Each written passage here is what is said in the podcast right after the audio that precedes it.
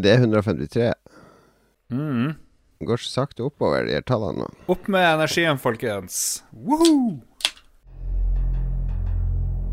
これからみんなでめちゃくちゃ踊って騒ごう騒ごう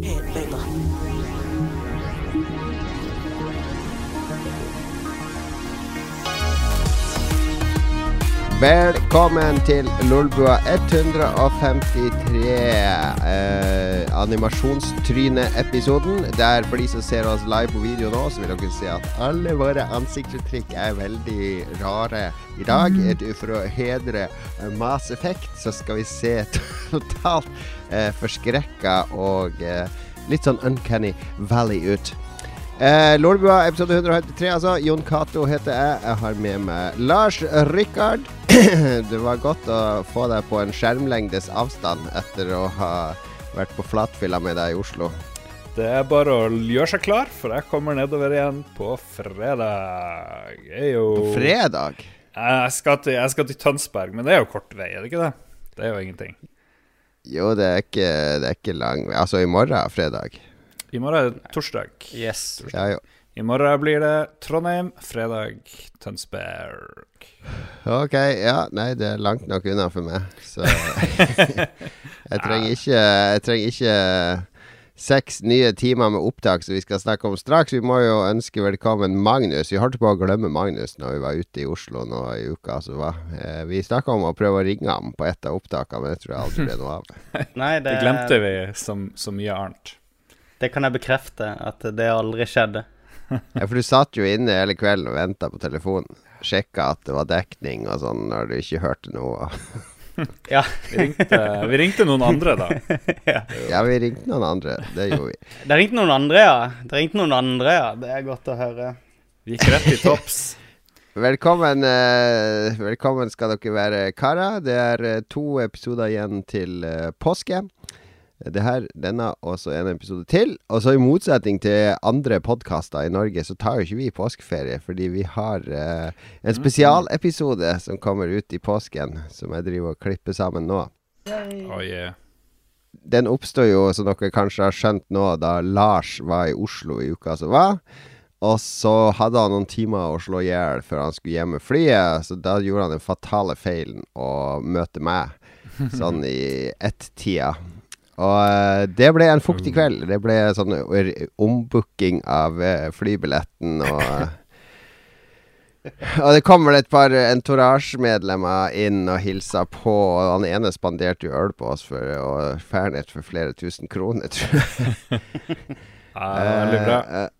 Eh, eh, det, det ble en lang kveld, og det dumme vi gjorde, var jo at vi hadde jo på en sånn lydopptaker nesten hele kvelden. Jeg tror jeg har over fem timer lyd eh, fra den kvelden, med alle våre venner og uh, Lolbua-folk og bekjente som kommer innom.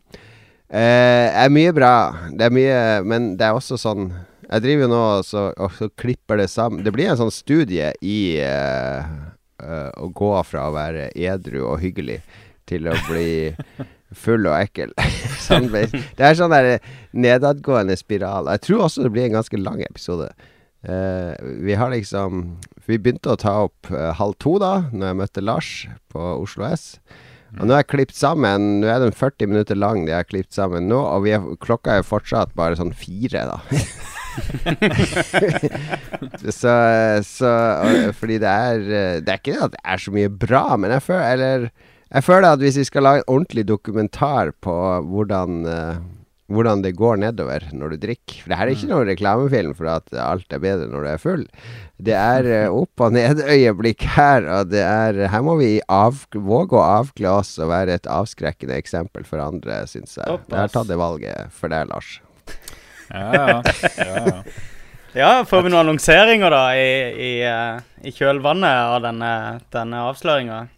Eh, ja, jeg har jo la, Du kan høre et kort, uh, kort klipp fra, fra denne. Jeg må jo hype det opp. Det her kan jo bli uh, vår Pulitzer-pris, denne reportasjen fra, fra nattelivet i Oslo. 40-årskrise, menn som går på hipsterbarer og bare klager og syter, stort sett. Så ja, Vi kan høre en, en liten teaser, da. Man må jo bygge opp sånne Mm, jeg er helt enig. Eh, klipp er, så, så det her, klokka nå er sånn 1945 cirka. Mm.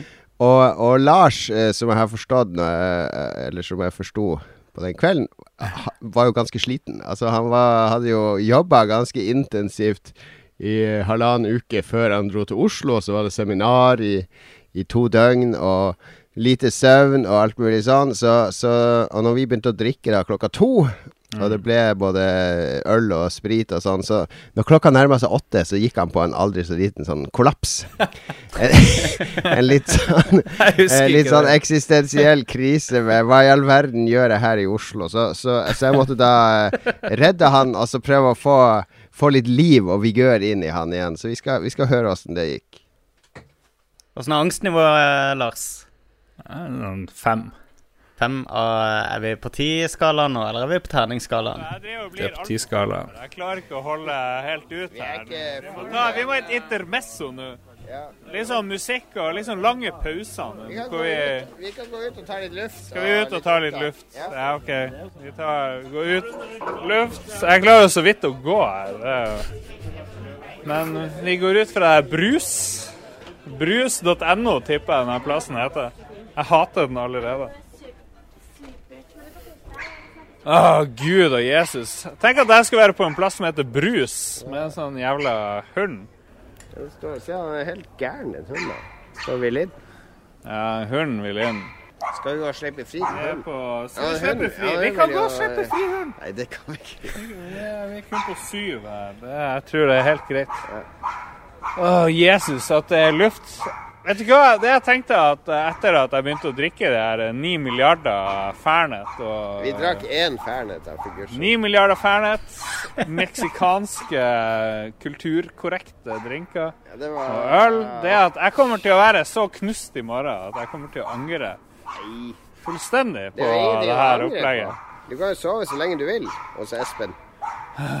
Men han skal jo på jobb og greier. Hvordan kommer jeg meg ut? Du går jo bare ut. Det er smekklås. Men jeg må finne, jeg må finne sikkert en buss eller Nei, et ja, du er jo oppe gryner dere. Du må bare komme deg ned til byen og ut. Sentrum. Kommer til å må, helvete. du må et slutte å stresse deg. Det er ikke noe å stresse Men med. det er, det er jo sånn Jeg må, jeg må ha klare planer. Jeg må Vent da, vi må, det her er egentlig sånn som vi burde spille inn på, på video til Entourage. Ja. Fordi nå er vi på ting som burde legges ut sånn. sånn ja. Ja, det kan du gjøre. Å, faen, det her det her er håret mitt det er faen meg det dårligste jeg har sett. Hva er det her for noe?! Klokka er åtte på kvelden.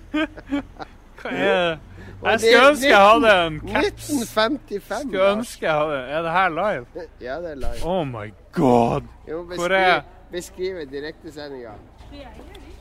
Et helvete. Beskri, et, beskri, det, her er, det her er det verste jeg har vært med på. Hvorfor skal vi være live nå? Fordi vi, eh, vi hadde et eller annet poeng med det. Har vi det? Se, se på den Dennis-sveisen der. Ok, da Se vi- på nå det. er vi Jeg vil, jeg vil Nå er vi live.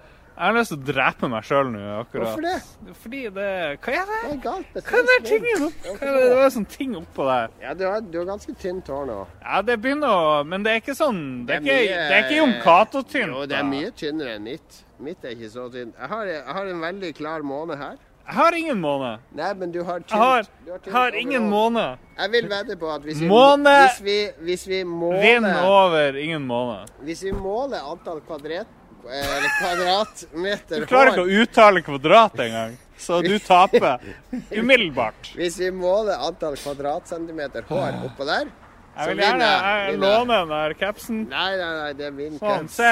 Det er så. vintage. Jeg Ser ut som en dusj. Jeg ser jo mye bedre ut uten caps enn deg. Det må du være enig. Eh, Så jeg tar den der. Å, Mr. Baldy! Det er ikke noe bål, det her. Se her. Her, ingen bål. No bål. No, no bål. Og sånn gikk nå kvelden. Ja. Det var, jo- det var jo faktisk litt genialt, det der, da. Det var det var Det, livet. litt, det, det er ikke alt som er like morsomt, men uh, det er jo eh, er jo usminka sannhet, da, så jeg kan ikke love at det blir tre timer med så mye moro. Men det blir Jeg tror det blir en fascinerende studie i uh, alkoholens fordervende makt og bylivet i Oslo. Oi, oi, oi. Du burde jo egentlig mikse det i motsatt rekkefølge og ikke si noe. Sånn at det, det, begynner på det aller verste, og så bare bygger det seg opp og blir mer og mer konstruktivt. Vi, vi kan jo og, si at kli, klimakset involverer å ringe til en, en uh, minister i Norge for å invitere vedkommende ned på tilt. Oi sann, oi sann. Jeg kan det, se for meg hvem det er. Så, men jeg skal ikke røpe om vedkommende dukker opp eller ikke. Det må dere høre påskepodkasten for å finne ut. Dette var jo knallunderholdning. Jeg gleder meg skikkelig til å høre på dette i påska når jeg løper rundt på stranda i USA. Det blir første Lolbua-episoden Magnus hører på, altså. Det blir uh, den andre eller tredje, trengte jeg vil si. det er godt. Det er godt. Vi skal spille litt musikk, og så skal vi uh, gå rett inn på hva vi har spilt i det siste. Og for en gangs skyld så kan vi snakke om noe annet enn uh, The Legend of uh, Zelda, Breath of the Wild.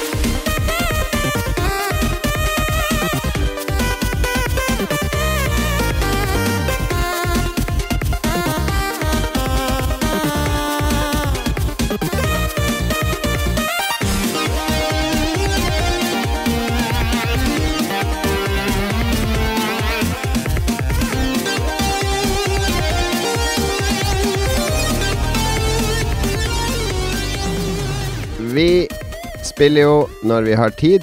Uh, ofte så har vi ganske lite tid, men vi klarer alltid å smette inn et eller annet spill. Uh, holde pulsen på det som skjer i spillbransjen. Og uh, Veldig uinspirert intro. Uh, Terningkast to. to for den. Vi har i hvert fall spilt spill i det siste. Lars han har tatt en kule for laget og, og gått med på å spille Mass Effect Andromeda. Det spillet som får uh, uendelig mengde hat på nettet, uh, ridicule-videoer uh, det, det, virker jo nesten som en sånn blanding av, av den der folkemengden utenfor Frankenstein sitt slott, som bare, ja. bare har blitt piska opp av stemninga, men også en del sånn legitim kritikk inni der, som Greit nok at det er stygt, akkurat de tingene der, men her er noe som faktisk er verre. Altså dårlig karakter karakterer, dårlig skript osv. Hva, hva, med, hva syns du, Lars, etter noen timer? Eh, det er ikke mange spill jeg har begynt å hate sånn etter veldig kort tid, men Det er ganske effekt. mange spill du hater. Ja, du hater Forza Horizon. Og... jeg hater ikke Forza Horizon, men uh, OK. Jeg, bare, jeg, bare, var veldig uenig i at alle skulle gi det seks, men OK, Mass Effect Andromeda. Um, som alle andre så hadde jeg fått med meg at jeg har fått masse kritikk. Jeg har sett de her gif-ene, sett litt video. Det her ser skikkelig jævlig ut, mener noen. Jeg, jeg, tenker jeg skal gi det en sjanse. Litt skeptisk. Kjøre i gang spillet, får opp character-generatoren. Sitter og kuker litt. Klarer ikke å få noe til å se bra ut. Uh, OK, jeg får velge en default-karakter. Skal jeg velge male eller female? Jeg skal liksom gjøre et poeng av å, å ikke være sånn han som bestandig spiller mann. Jeg tar hun dama, og i ettertid utrolig dårlig valg. Utrolig, ja, var det ikke det? Valg. Fordi hun ser så, ser så ufattelig tilbakestående ut, og psykopat ut, og ut som hun er sydd sammen av ulike menneskedeler. Litt sånn som det her Frankensteins monster som du nevnte først, Jon Cato. Og så sitter man og fokuserer på det. Man har veldig god tid å studere den dama fordi, og de andre stygge karakterene, fordi det, det, er så mye gåing og prating i starten, i det ufattelig kjedelige romstasjoner der arken man kommer i. Man reiser jo til Andromeda, bla, bla, bla. For å liksom repopulere, finne et nytt hjem til menneskeheten. Og så er det kjedelig, kjedelig, kjedelig. Endelig får man begynne på det første missionet. Waypointene sa folk var litt dårlige. Jeg klarte ikke å finne et mission. Det er nå greit. og så føles det ut som jeg glir over overflata. Eh, det driver hakker litt sånn her. Vanligvis så bryr jeg meg ikke om framerate, men her er sånn her nå skal det hakke litt plutselig. Og, eh, skal jeg liksom hoppe og jeg klarer ikke å komme meg opp dit jeg vil. Skjønner ikke noe av menysystemet. Eh, så det er sånn 100% hat. Eh, megahat med en gang. Og så kommer man endelig forbi første missionet, kommer man til en ny plass, møter noen nye folk.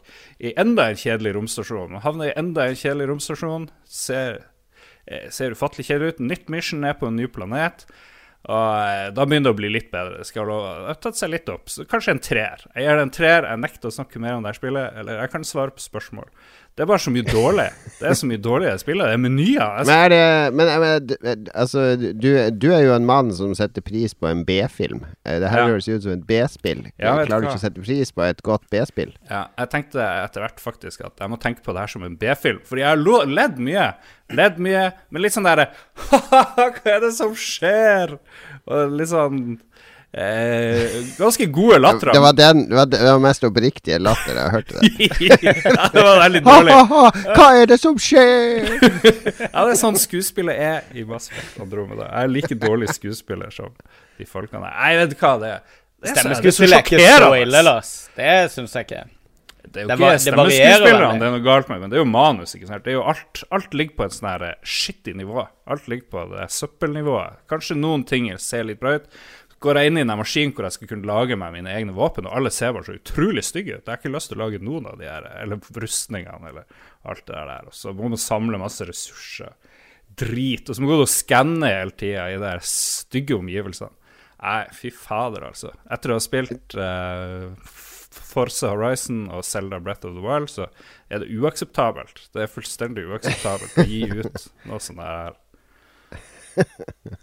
Ok, det var nådeløst. Du har ikke begynt på det ennå, Magnus. Du sparer deg litt. Det, bør, det er jo en del som bør patches, har jeg skjønt. Jeg spilte det jo på Early Access på både PC og, eh, og, og litt på Xbox. Men jeg, jeg har spilt ja, kanskje bare en halvtime på Xbox-versjonen. Så har jeg kanskje en fem Ja. timer, tror jeg, på PC-versjonen. Eh, Men, kjenner, eh, men uh, din bror har vel ikke tid til å vente? Han er vel dypt inne Ja, han i er det nå. dypt inn inne i er, det. er han, eh, er han Tilgir han all, alt, alle feilene som andre påpeker, eller? nei, han er ganske sint, han også, mens han spiller. Uh, men eh, han har investert eh, et eh, betydelig antall timer allerede i spillet, så vidt jeg har forstått. Mm. Uh, men uh, altså, jeg spiller PC-versjonen, og jeg kjenner meg ikke helt igjen i uh, alt Lars bærer seg over. Og det, det er mulig det er litt forskjeller mellom versjonene akkurat der. Det er ikke så stygt på PC. Det ser ganske fett ut til tider, syns jeg. Um, men selvsagt, alt dette her med ansiktsanimasjoner og sånne ting er jo helt legitim kritikk. Um, men, men ja, jeg, har bare bestemt meg for at uh, jeg venter på den der uh, sånn 2 gigabyte pluss-patchen før jeg gidder å gi meg i kast med det. For jeg, jeg tror, i hvert fall etter hva jeg har hørt fra de som har spilt det lenge og langt, så sier de at det, det gjemmer seg et kult spill der, men det er, det er så sykt mye drit du må grave gjennom for å komme der til. Ja, og hadde det bare vært de her animasjonene, så hadde jeg skulle ikke jeg sagt noe. Men, Nei, ikke sant. Også, men så sier folk i Entourage òg at det blir bedre etter hvert, så det blir jo sikkert litt bedre. Må sikkert Ja, altså- være kneik. Men hvorfor faen skal jeg sitte og være sur og grinete i flere timer før Ja. det kommer noe bra? Jeg tror, jeg tror kanskje, og dette diskuterte vi tidligere, jeg tror kanskje jeg har litt mer toleranse enn det uh, når det kommer til sånne irritasjonsmomenter i, i sånne episke spill. At jeg har, jeg har spilt Eller jeg har typisk investert sånn 100 pluss timer i, i masse spill som har en haug med sånne åpenbare svakheter. Så eh, Kanskje, du, kanskje du bare har dårlig smak? Ja, det er mulig. Det er mulig. Nei, men uh, det har litt med det der med at altså, det ikke, Dette diskuterte vi i forrige episode, så det er ikke noe poeng å gå Ja. inn på det. Trenger å, å rippe opp i det, men Ma Masvekt meninga er i hvert fall uh, delt uh, akkurat som en rumpe. Og det stinker akkurat som en rumpe òg, ifølge internett. Så, Yes. så prøv på eget ansvar. For min del, det haster ikke i det hele tatt. Nei. Fordi jeg fortsatt Zelda ikke ferdig så med bra. Zelda, og da etter Zelda så skal jeg liksom gjøre meg ferdig med Horizon, og da tenkte jeg endelig Nå kan jeg gå tilbake til World of Warcraft. Det er mitt eh, Mitt buddha-spill. Det er mitt meditasjonsspill. Mm. Uh, men nei, det kommer jo Persona 5 straks. Yes. Så, eh, så, og, så Mass Effect kan vente Og Dark Souls 3-patch Nei, updaten som kom nå. Ja, den er, er litt ah, Jeg må begynne på nytt i Dark Souls hvis jeg skal gjøre noe der, for det er Ja, det er en lang historie. Ja. Glem det. Uh, Eh, du har spilt noe annet enn Mass Effect uh, i påvente av patchen, Magnus. Du har fordypa deg i din favoritt, nemlig anime og manga-visuell Ja. stil. Da, da er du med. Jeg, jeg har i hvert fall spilt Vita, og det, det fortjener jeg litt, uh, litt kred for. Jeg har levd litt opp til, Nice. til tittelen min denne gangen.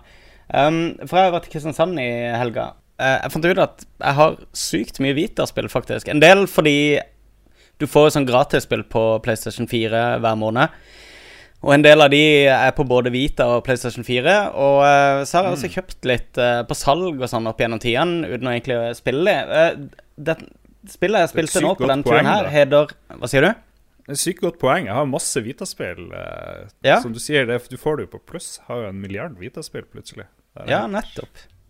Og det, savesene går overalt, ikke sant? Men eh, spillet jeg har spilt, heter Danganronpa Trigger Happy Havoc.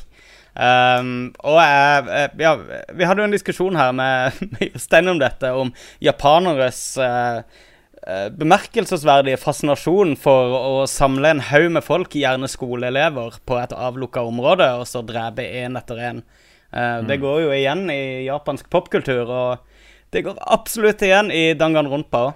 Eh, det i, I bunn og grunn handler det om en gjeng med sånn superbegava kids som er som blir låst inne på en skole og får beskjed om at den eneste måten å komme seg ut derfra er å gjennomføre et drap på en av de andre og klare å slippe unna med det. Og du er da der som en sånn person som da er den som skal Du er liksom detektiven som skal samle Hver gang det skjer et drap, så er du rundt og finner beviser, snakker med folk osv. osv. Og og litt um, Det føles litt som um, Phoenix Wright til tider, akkurat der. Uh, det er selvfølgelig litt sånn datingsimulator à la personer også. Sånn her eh, Gi presanger og utvikle vennskap som gir deg sånn RP, eller rollespillstats og sånn. Men så kommer du inn i disse her eh, rettssakene som, som skal foregå, da. Og de tar det så sykt langt, fordi eh, du presenterer eh, eh, bevis ved å lade det inn i en sånn her bevispistol som du har. Og det går over i rytmespill på et punkt. Eh, det, det er et utrolig absurd japansk spill med en veldig fengende story. Eh, Hva om det er sånn Hva om det er sånn på de her skolene i Japan? Kanskje Ja, det er veldig Ja, jeg lurer på det, jeg òg. Jeg lurer på det. Men, ja, men det er jo Er det ikke sånn her enerjag på de skolene? Ikke? Det er jo ganske Ja, ja. spisse albuer Ja. og, og, og sånne ting. Så det er vel Ja. en refleksjon på det, alle disse mediene som harselerer med Men det, det er litt sånn visual novel-spill. Altså jeg, ja. jeg prøvde å spille det da det kom, og jeg satt jo i to timer og trykte på X Ja, for å få dialogen til å gå videre. Ja, for jeg har begynt på det før to ganger og bare hoppa av liksom i intro-storyen, akkurat som Ja. det. Um, men idet det liksom går i gang, så begynner du å forstå hvorfor det tok så lang tid. Det tar litt tid å etablere storyen. Og Men er det der du må, det var der du må sette paneler sammen for å løse mord og sånn òg? Sånne tegneseriepanel Um, Ja, riktig. Ja. Og det er når liksom når, eh, når du liksom egentlig har pekt ut morderen, og morderen nekter og sånne ting, så um, Og du da har gått gjennom et rytmespill for å knuse Det er litt motstanderen. bullshit. Er litt så skal, du bullshit så skal du oppsummere hendelsene, og da har du uh, Da skal du Da er det en del blank spots i en sånn manga-tegneserie, som selvfølgelig går fra høyre mot venstre, eh, hvor du skal plassere inn riktige hendelser i riktig eh, tegneserierute, ja, for å oppsummere. Um, Ja. Men er, er alle de elementene helt nødvendige sånn nå når du har spilt gjennom noen missions, kanskje? Jeg forstår litt hvorfor de gjør det. For det, for det, det begynner veldig enkelt. Det er ikke så mye Første rettssangen er veldig enkel og veldig rett frem, men så begynner de bare å legge til element etter element etter element. Og jeg, jeg runda jo nettopp dette her eh, Phoenix Wright-spillet på eh, em, På iPad.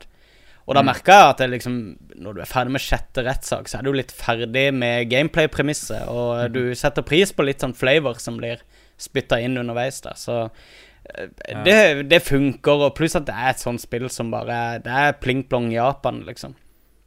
Jeg ble Så- litt lei av å gå rundt i de gangene hele tida. Det er mye sånn trøing. Sakte Ja, men det er ikke så ille som. Persona-serien på akkurat det. Det er ikke så eh, Det er ikke sånn at hver eneste korridor er identisk, og um, og du slipper de der generiske sånn random fights og sånn som du har i Persona-serien. ja, men i nye personer så er det visst ikke sånn. Uh, Ja, det, det gleder meg å høre. Jeg har ikke lest noen anmeldelser, men, uh, men uh, Jeg har vel det er, det er, jeg har skjønt at uh, du trenger ikke gå i sånne random dungeons. Nei, for jeg, jeg har vel opp mot Jeg har 60 timer cirka i Persona 4 uten å runde det. Og jeg bare slutta å spille det, for det ble så kjedelig etter hvert. Så Ok, Blir det å runde Dangan? Danganronpa Trigger Happy Havoc. Det fins to stykker. Jeg har begge to. Um, jeg reiser til USA neste uke, så planen er å, eh, å løse litt uh, mangadrap på veien der. Så jeg skal komme tilbake med mer utfyllende rapport om det ønskes. All right. Mens Magnus koser seg med Gangnam-style eh, Trigger Happy Havoc, så skal uh Kan jeg informere om jeg har kjøpt et nytt spill på Switch? Oi, oi, oi! Fins det to to kom i spill? dag. Ja, det fins uh, finnes, eh, mange gamle spill på Neo Geo, og så fins det en håndfull nye. Det er helt nytt. Kom i dag. Jeg er vel ute på Xbox og sånne uh, kjedelige stasjonære konsoller òg. Det heter Snake Pass. Det ble laga av Sumo Digital.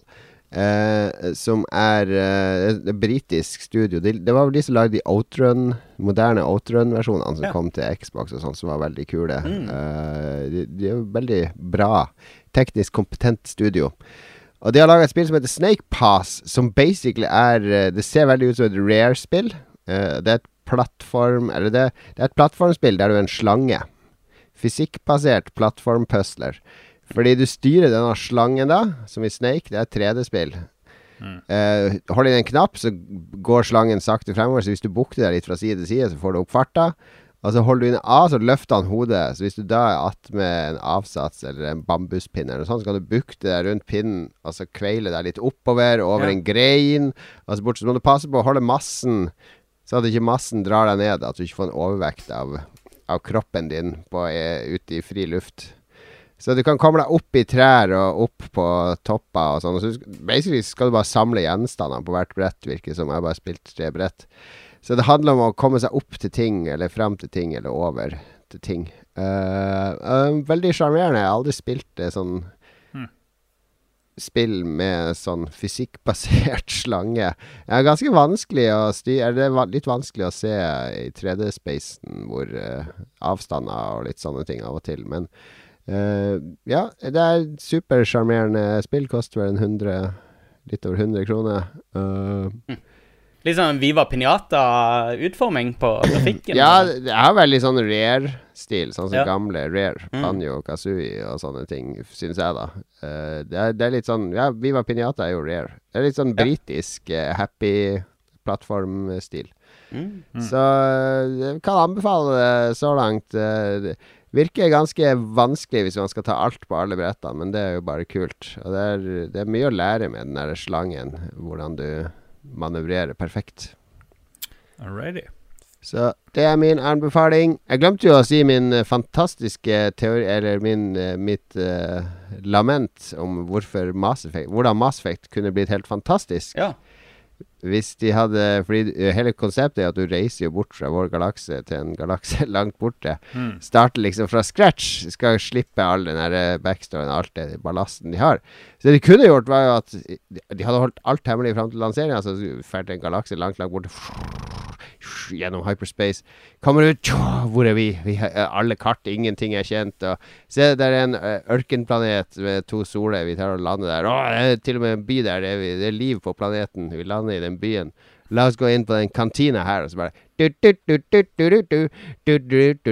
har kommet til Star Wars-galaksen! Hadde ikke det vært kult? alle tror det var et nytt Mass og så er det egentlig et nytt Kotor. De har laga et nytt uh, Star Wars-rollespill forkledd som Mass Det hadde blitt Det hadde internett gått bananas! Det kunne hatt så skrullete ansiktsanimasjoner de vil, for det er Star Wars. Alt er tilgitt. Ja, veldig god idé. Veldig god idé. De gikk glipp av noe der. Og det blir litt sånn her Kingdom Hearts-aktig av det. Hadde kommet Donald Duck plutselig, for det er jo Disney, det òg, ikke sant? Kunne brukt alt av Disney. Kom til Disney-galaksen.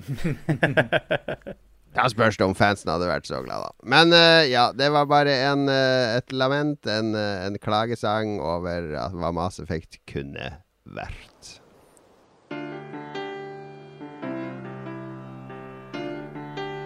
He had my father die. 49 times we fought that beast. your old man and me. And had a chicken head with duck feet, with a woman's face too. Oh, that's rad. And it was waiting in the bushes for us. Then it ripped off your dad's face. He was screaming something awful. In fact, there was this huge mess, and I had to change the floors. The floors? You see his blood, it drained into the boards, and I had to change them. But we all got a chicken duck woman thing waiting for us. Every day I worry all day about what's waiting in the bushes of love. something's waiting in the bushes for us. Something's waiting in the bushes of love.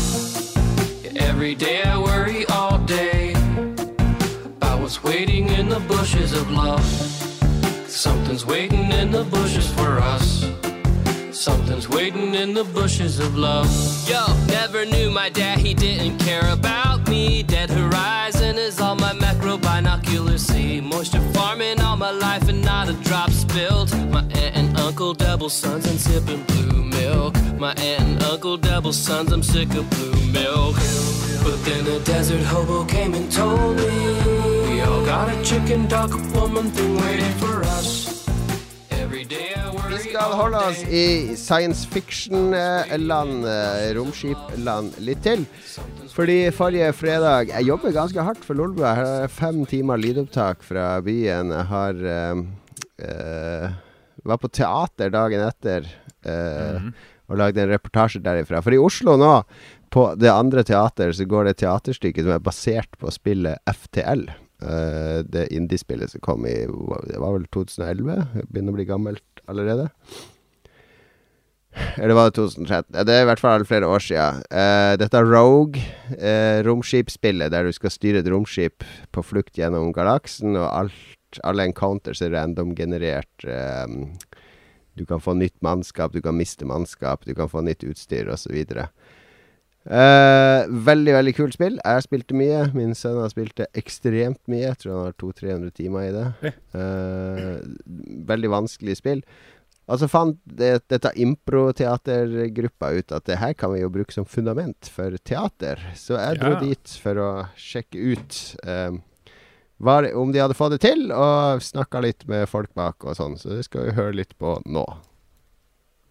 Dette er kaptein til mannskapet. Svarer. Svarer. Da har vi mottatt kontakt med en NG-krysser. Vi um, Mantis-krysser er det. Takk, vi er boret. Vi har en mantis om bord i våpenrommet. OK, mannskap. Frigjør uh, Kjør SWAT-team.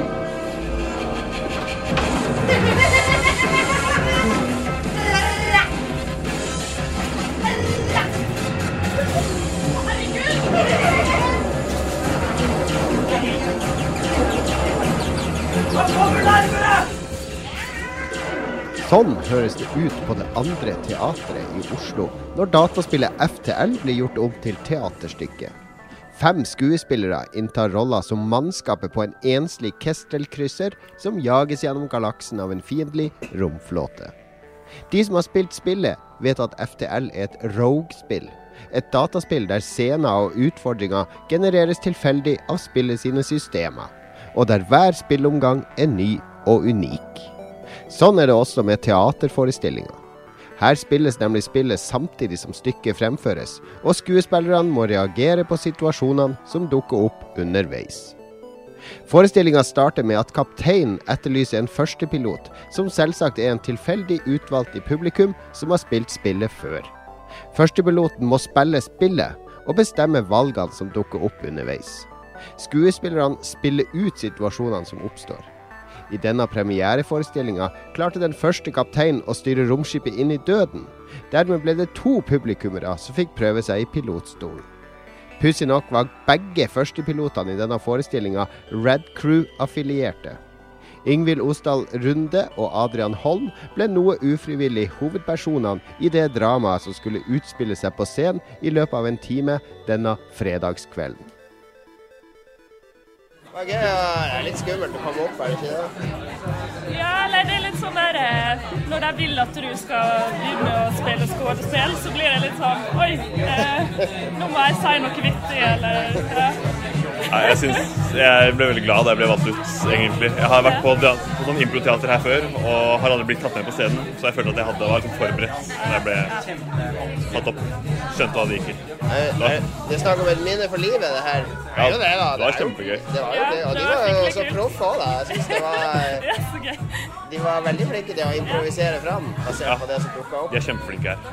Er, Men det er litt, blir litt sånn vanskelig, da, for man må jo nesten gå neste fredag òg for å se hva som skjer da. Ja. For det er ikke sikkert det blir brann og kjempeedderkopper. Nei, jeg skal dit neste fredag. Du skal det? Ja, ja, definitivt. Skal du forkle deg da, altså så rekke opp hånda på nytt? Må nesten det. Jeg fikk litt prestasjonsangst, da, for det er veldig lenge siden jeg har spilt FTL. Ja. Det er sikkert over et år siden, Det, så jeg det tenkte jeg òg når jeg så deg sette deg ned. Så tenkte jeg jeg har jo spilt det i 30 timer sikkert for fem år siden. Ja. Bare, hvordan var det egentlig? Skulle man flytte de figurene? Bare... Men jeg tror ikke Jeg merka når du eh, spilte, så så jeg ikke på skjermen egentlig. Sånn. Så en bryr jo seg ikke egentlig om hva som skjer i spill, da, for de bare det er- ja. improviserer så bra. liksom.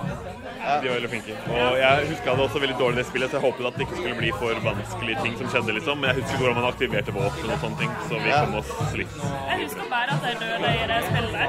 Altså, det var sånn Ja, ti minutter, så sprenger du, liksom.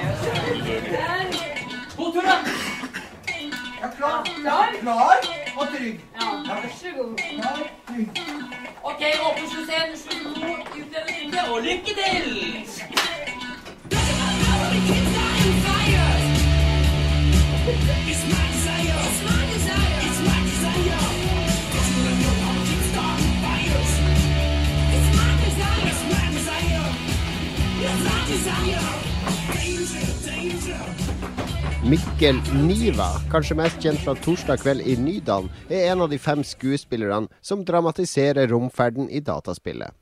Vi slo av en prat med han etter forestillingen.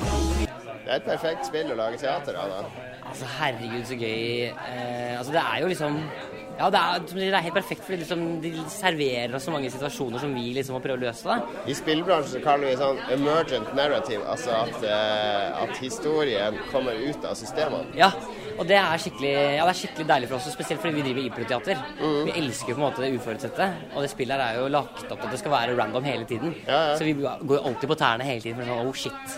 Så er det klart de store utfordringene er sånn som eksempel når en dør i spillet. Hvordan inkorporere det på scenen, liksom. At noen plutselig daua, vi har kanskje ikke fått det med oss. Eller sånn som i dag, da, hvor vi liksom dør etter 20 minutter. Det har aldri skjedd før. Da måtte du plutselig liksom bare dra inn en ny person. Altså, det, ja. det ble jo en veldig fin story ut av det. Ja, det er noe, det er noe gøy der, liksom. Å servere drama, da, liksom. Men hvor mye panikk har man underveis når man driver med sånn impro? Altså at det er jo publikum her som har betalt, og du skal jo lande et eller annet. Ja. Det er jo noen forventninger, liksom. Det er det. Og det er absolutt Det her tror jeg kanskje er en av de skumleste forestillingene jeg har spilt noensinne. Jeg har jo spilt impro i tolv år, liksom. Ja. Men det her er jo kanskje den med mest faste rammer, da. For du må forholde deg til det forbaska fete spillet, Ja, ja, ja. liksom. Eh, så det er dritskummelt. Og det er akkurat som du sier at man skal jo lage en forestilling og levere et produkt, da. Eh, men da gjelder det jo for, for oss også å få publikum til å føle den samme lekenheten. For det er jo det vi har som er målet vårt. At publikum også skal føle at de er med på det spillet, på en måte. Og bli glad i karakterene. Og Ja. liksom elske liksom det som skjer da, på scenen. Og jeg synes de lykkes med det. Jeg må innrømme at de første ti minuttene så var jeg litt skeptisk. Jeg synes det var litt mye surr og tull og lek og tøys. Men så skjønte jeg hva de gjorde. Det de gjør er å flesje ut karakterene i spillet. Det de gjør er å fylle inn alle tomrommene. Alle de gangene vi sitter og ser ned på romskipet og på disse pikselfigurene, og fantaserer om hva slags liv og drømmer og ambisjoner og følelser disse små mannene og damene har om bord. Det er det det andre teatret har lykkes med. Og jeg slo av en prat med mannen bak forestillinga helt til slutt. Jo Adrian Hovin både spiller i stykket og er den som kom opp med det opprinnelige konseptet. Men, eh, jeg fikk ideen til dette her en gang jeg satt og spilte det. Eh, at det hadde vært kjempegøy å, å spille liksom i en sci-fi-forestilling som eh, hvor spillet ga, ga utfordringer til skuespillerne. At det egentlig hadde Ja. vært veldig gøy impromat. da. Og så, så tenkte jeg en del på det, og så kontaktet jeg Mats eh, Eldøen på det andre teatret, fordi jeg tenkte at eh, de har de beste improvisatørene i Norge. Og så fikk jeg et uh, kaffemøte med han. Vi uh, kjente hverandre litt fra før. Og så uh, begynte jeg å fortelle om ideen, og så sa han i sitt og spill det spillet nå. Og da satt han på iPad og hadde spilt det for fem minutter siden. Så han kicka på ideen. Og så har det vært gjennom en runde med en uh, liten forproduksjon hvor vi Ja. liksom testa er dette noe. Og så søkte vi Kulturrådet og fikk uh, midler til å, å øve noen uker, og så se hva vi kunne få til med det, da. Ja, men det har dere jo fått til over. Altså, jeg var veldig Jeg har spilt en del FTL. Ja. Sønnen min har spilt det sikkert 200 timer. Ja. Så eh, jeg er ganske godt kjent med spillet. eh, Og jeg var veldig spent på hvor skal det være sånn at de går Når mannskapet skal seg, skal de flytte Ja. seg? Skal det være sånn én-til-én-representasjon? Det, det er jo alle mulige Det rare var, måter. det var det, det som var på. eh, tanken i begynnelsen. Ja. Det var det vi prøvde første gang, og så skjønte vi at det blir for, eh, for omstendelig. Fordi at eh, da blir det jo nesten som å se på sånne små pikselmenn, og vi hadde lyst til å gi dem litt mer liv og Ja, sånn. ja. Ja, det var uh, kult å være en, eh, en jente som var på en prøveforestilling, som uh, sa at måten hun ble god i FTL, det var det, det viktigste var å knytte seg til de små menneskene Ja, som ja, du styrer der. Og eh, ja. Så det var det, det var veldig gøy å prøve å gi de liv, rett og slett. Ja, ja, ja. Mm. Det er perfekt. Altså, når jeg så at det skulle være teater basert på FTL, så ti sekunder tenkte jeg på det. Det er jo perfekt spill å basere Ja. sånn impro-teater på. Ja. Det er jo eh, Jeg tror ingen har prøvd noe lignende før. eh, I hvert fall ikke som vi har hørt om, da. Så eh, vi lurer på om vi har funnet opp en ny sjanger gamingteater. Og så er det jo gøy siden det er uh, rogelike og, eh, og at det er permadeath, så gir det oss eh, skuespillere For i teater så skal man jo spille som det er på liv og død. Men i denne forestillingen eh, prøver vi å få det til at det faktisk er på liv og død for Ja. de karakterene, ikke sant? Ja, ja. Hvor stressa var du før premieren? da? Eh, litt stressa, men eh, det siste vi sa bare Ja, nå er vi klare for å drite oss skikkelig ut. Og så, eh, og så ble det kjempegøy. Det var veldig kult å ha stort publikum og eh, ja, veldig gøy eh, å, få opp spillerne. Det er noe vi har prøvd de siste ukene, å få Ja. en fra publikum. Og Hva skjer hvis det er ingen som har spilt i publikum? Nei, da må vi spille det selv. Uh, men det er jo ikke ønskelig, så nå håper vi jo at vi kan skape litt blest. At uh, spillere kommer og ser på. Ja, ja, ja. Fordi det er jo et publikum som som eh, i hvert fall min teori er at ikke går så mye i teatret, men som teatret kunne hatt masse glede av å få inn. Fordi det er så mye innovasjon og så mye gode ideer. Og jeg tenker jo at spill er eh, en av de beste historiefortellerne, det beste mediet for historiefortelling. Og da kunne blande det med teater, det er, eh, ja, det er en utfordring og veldig spennende. Det var seriøst heftig skryt til deg, Johan. Ja, det var proft. Ja, jeg må si det der eh, Ja, Var det kritiske journalistspørsmål og Eh, Det finnes jo mange forskjellige sjangre. Jeg vil heller si at det her var en, en slags reportasje hvor man skal plassere lytteren, da, i dette tilfellet et sted, få litt mer innsikt i det. Det er jo noe annet enn å avsløre noen noe store kritiske ting, Ja, vil jeg det, si. det var jo ikke det. Men jeg var, altså, jeg, jeg, jeg var, var ærlig der. Fordi i starten, når det begynte, tenkte jeg herregud, det blir bare tull. De skal jo bare drive og Mm. Spille spill. Og improvisere noe fjas som ikke har noe med spill å gjøre. Men så skjønte jeg jo hva det gjorde etter hvert. Altså det, det hadde vært veldig kjedelig hvis de bare skulle skyte folk og løpe og slukke branner hele tida, som egentlig er det man gjør i det spillet. det er jo dyrke frukt. Så, så du, det, det hadde ikke vært verdt pengene å se på det i en time. Nei, jeg Men hadde holdt dødd etter det- fem minutter, tror jeg, egentlig. Ja, Men eh, holdt det gjennom hele, Jon? Ja, det varer bare en time, da. Så det holder eh, i løpet av en time. Altså, de har jo åpenbart øvd inn noen sånne arker på forhånd. Uh, Ja. Hvis du skjønner. Altså Ja. sånn eh, De har karakterer som har personligheter, og det er noen intriger mellom flere av de, ikke sant? Og så er det noen sånne arcs. Men det er åpenbart at de, de kan svinge i flere retninger, de arkene, da, basert på hva som skjer. Og, og jeg tror på slutten òg så fikk han eh, Adrian, så da var det var også litt morsomt, fordi hun uh, Ingvild som kom opp der, hun bare Ja, hva hun het og, og når de begynte å tvinge henne til å være skuespiller, da, så så det var sånn skikkelig ukomfortabel. Da. Hvem, hun- hvem hadde lært oss? Og sånn, jeg har gått i lære oss den store Picard. altså når han Oh. Adrian kom opp, så han var jo selvfølgelig Hva heter det? Han heter Adrian. Ja, hva mer? Adrian Kirk. så det var Kirk og Picard. Men Adrian fikk da velge på slutten om han ville ha en um, Om det skulle ende som en tragedie, eller om det skulle være feel good-ending. Så, så improviserte de det fram basert på hans valg. Veldig, Men veldig bra. dette her er liksom eh, Hvor lenge skal de ha dette her uh, skuespillet? Ja, det går uh, hver fredag på andre teater. Så det går i dag, faktisk, hvis episoden kommer ut i dag. Uh, Mm. Og så har det vel Og så går det den neste fredag, altså den fredagen som påsken egentlig starter. Ja. Eller den påske, lange påsken. Og så er det ikke noe på langfredag i påsken, og så tror jeg det er fredagen etter påsken. Og så er alle fredager i april, bortsett fra den langfredagen. Ja. Uh, er det som det er satt opp.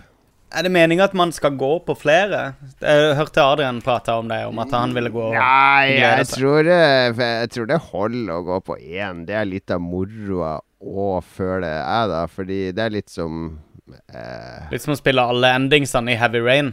Ja, eh, altså Eller hvis du jeg, jeg føler det er min opplevelse av FTL som Mm. teater. Jeg trenger ikke å se flere variasjoner av det, selv om det var veldig morsomt. Og jeg vil heller at noen andre skal få den plassen min. Så jeg har tenkt å få å sende kona mi og sønnen min bort etter påske, fordi han eh, har jo masse FTL-erfaring. Mm. Andre spill vi kunne tenke oss å eh, se en lignende behandling behandling på? Ja, Mass Effect. Mass altså med masse sånne gummifjes. Ikke så mye random som skjer i Mass Effect, er det det? Nei.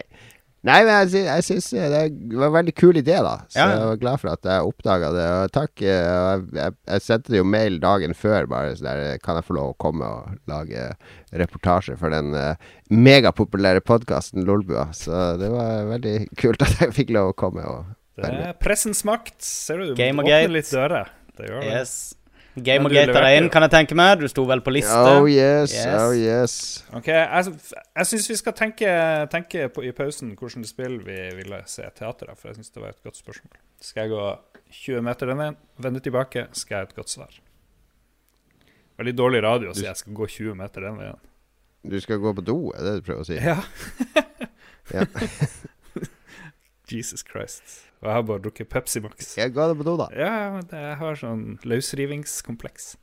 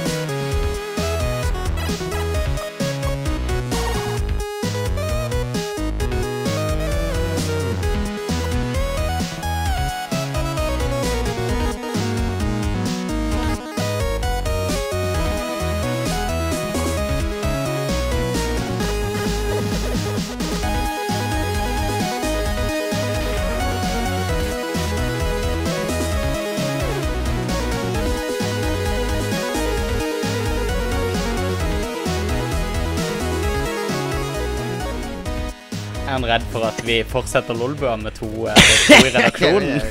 Han har Nei, nå, det var din sjanse, Lars. Nå er det Han har mange, mange, mange komplekser som kom frem på den torsdagen. Ja. Herregud. Yes, yes, yes. Nå ser jeg lillebror sende meg en melding her eh, på Facebook fra Mass Effect. Her er det situasjonsrapport fra Mass Effect. Prøvde multiplayer i stad. Spillet krasja og starta på nytt midt i gamet. Helt vilt. Eh, eh, Det er fantastisk at det er så mye bugs i en så stor produksjon, er det ikke det? Ja, det er eh, Jeg er spent på hva som egentlig har skjedd inni der.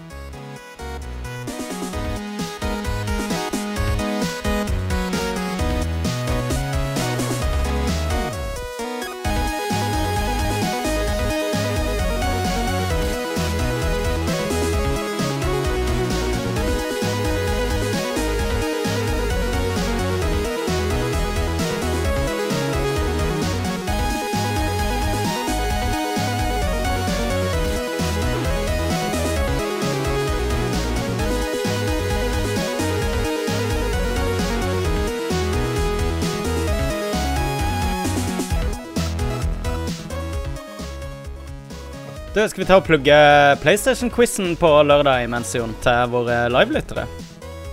Ja, det kan vi godt. Til dere 20 som ser på. Vi skal, hvis dere er i Oslo uh, lørdag, så kommer jeg og Magnus på House of Nerds for å holde en Mm. quiz for å feire 20 år med PlayStation. Vi er blitt hyra inn av PlayStation. Ja, Sony. 20 år er det vel ikke. Det hvor mange år er det? Det kommer jo 90 96, 97 ble det jo. Var det så, Ja, var det så seint? Det var ikke det? Var jo 94, var det ikke det? Nei, nei. Var det? det går ikke an. I Norge? Nei, ikke 94. Flytta jo til Oslo i Altså, det blir jo enten 92 eller 97, da, hvis det er et jubileum. Det er jo ikke sånn her yeah, Vi feirer 23 år, velkommen til House of Det var jo Nerds. nettopp sånn 20-årsjubileum for PlayStation. Ja, det var jo det. Den der eh, spesial PlayStation uh, Jeg tror det er PSN er ti år, eller noe sånt. Dere har gjort dårlig research på det her oppdraget deres. Det er PlayStation Store Hallo, som alle har sammen! Nå feirer vi 50 år, dere, for uh, Betamax. Eller kanskje, kanskje de feirer at uh, det er hele ti måneder siden PlayStation ble hacka sist. Det er eh, den der eh, Hva er det heter for noe? Yellow Light of Death-jubileum. Nyheter, nyheter! Det er jo en stor nyhet at Lars var uh, på fylla med meg i Oslo. Det sto jo på forsida av VG og Dagbladet dagen etter. Kunne gjort. Kunne gjort. Jeg vil ha Eh, en, jeg vil ha en spin-off-podkast hvor vi går er full på byen. Jeg synes det der var Det var litt sånn real. Gjerne med TV-team på slep. Jeg tror det kan være bra. Ja, det, det vi merker, da, som vi, min, som vi går glipp av her, uh, det har ikke noe med han sørlendingen å gjøre. Det var det der ved å sitte rundt samme bord, hvor mye mer naturlig dialogen fløyt. Ja. Eh, hvor mye mer lettere det var å bare komme med små sånn der uh, jaha og hm. Og, altså det ble, det ble veldig naturlig flyt i Veldig mer naturlig å prate, syns jeg. Ja. Jo, da er jeg enig. Og, og man måtte liksom Man kunne ikke sitte og stirre i en skjerm sånn som Magnus gjør nå, og bare åh, nå gidder jeg ikke å høre på.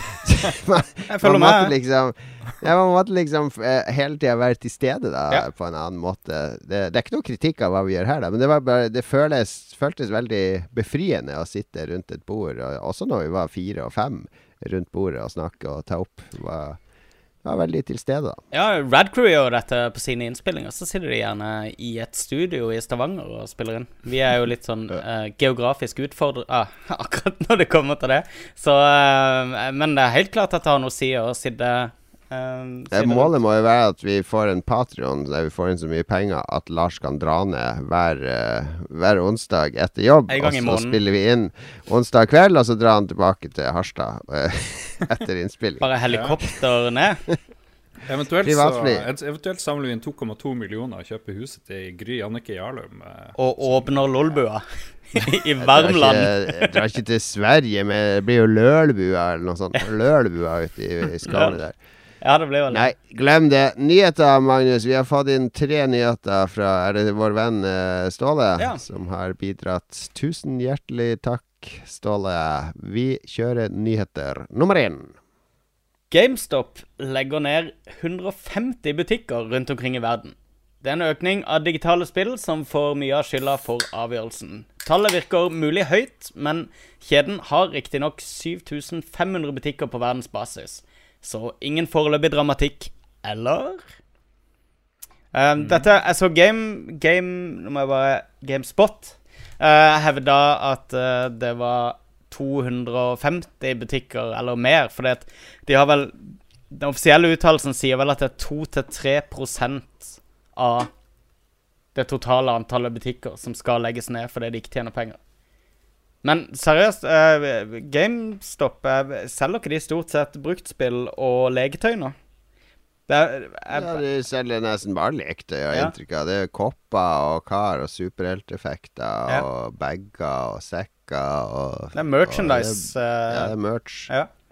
Det er jo merch de har avanse på, tenker jeg òg. Sånn her eh, ryggsekk laga i Kina som kjøpes inn for 30 kroner og Mm. selges for 200. Altså, de, det er jo ingen avanse på nye spill lenger. Nei, det de har jo samme utsalgspris som de hadde når jeg jobba på Akersmik i år 2000. Ja, nettopp.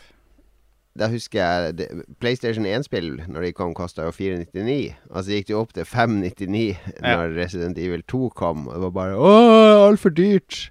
Og, men det, det, det har jo ligget der i 20 år nå. På 499, 599 er jo standardprisen på spill fortsatt. Så, men ja. avansen til butikkene har, har jo krympa. Fordi innkjøpsprisen tror jeg har økt. Mm. Men de har ikke, klar, de har ikke satt opp prisene tilsvarende. Jeg husker eh, da var det Microsoft som begynte først med å selge, selge spill digitalt.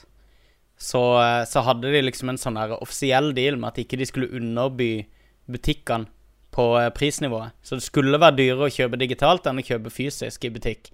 Fordi de, de var avhengig av gode forhold til, til kundene sine. Ja. Nå kan de egentlig bare Altså eh, ja, ja, du ser jo det på hyppigheten med salg, plutselig, som har kommet de siste årene. På, Altså på Nye spill koster jo mer digitalt når de er helt nye. Men så, sånn som Watchdogs 2, så går- selger de plutselig for halv pris etter Ja. to uker i den digitale butikken. Og det gjør de ikke i butikk.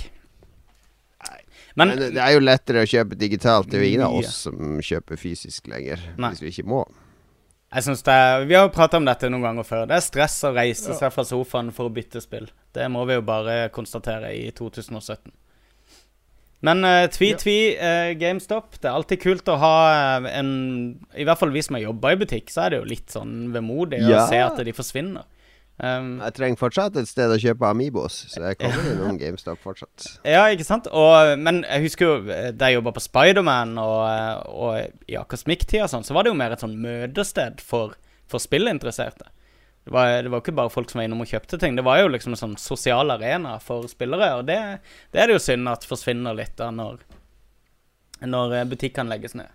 Jeg lurer på om eh, GameStop i Harstad skjerper seg litt, fordi det plutselig er det mye mer varer på veggene. Det er jo selvfølgelig alt annet enn spill, men uh, det er jo Mm. et greit utvalg. Kjøpe gaver til sånne nerdevenner hvis du er litt i beit for det. Synes jeg det er Sånn classically trained T-skjorte og eh, Mario Kanskje, eh, kanskje, kanskje vi skulle begynne med sånn ukesoppdrag. Jeg har hørt mye på den der uh, podkasten Krisemøte i det siste. De har alltid sånn ukesoppdrag. Det er en sånn ting de skal gjennomføre. For eksempel de skal ta et artsy, eh, en artsy selfie, eller de skal prøve å leve én dag som venstrehendte, eller ja, sånne ting.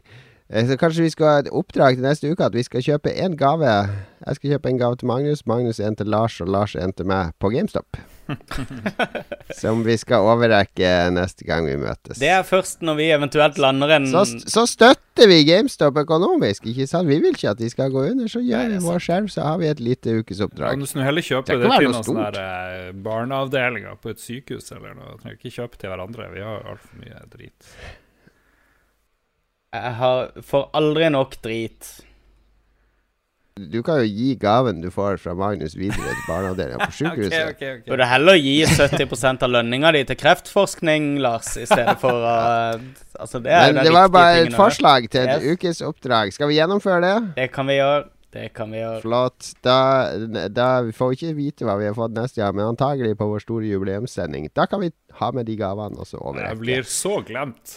De luxe. Ja, det blir ikke glemt. Altså, kan vi ha, hvis det er et klesplagg, så må vi ha det på under jubileumssendinga. Altså, her er det jo mye OK. Så det er sånn secret Easter bunny, det vi driver og jobber Da med drar her. jeg heller på kondomeriet og kjøper noe til Magnus. da ble jeg glad. Uh, Nyhet nummer to. Nyhet nummer to. Super Mario Run er nå ute til Android. Samtidig sier Nintendos president at spillet har solgt dårligere enn forventa. Det kan nok skyldes prislappen på 100 kroner. Bare 5% av de som lasta ned spillet, valgte å betale for det.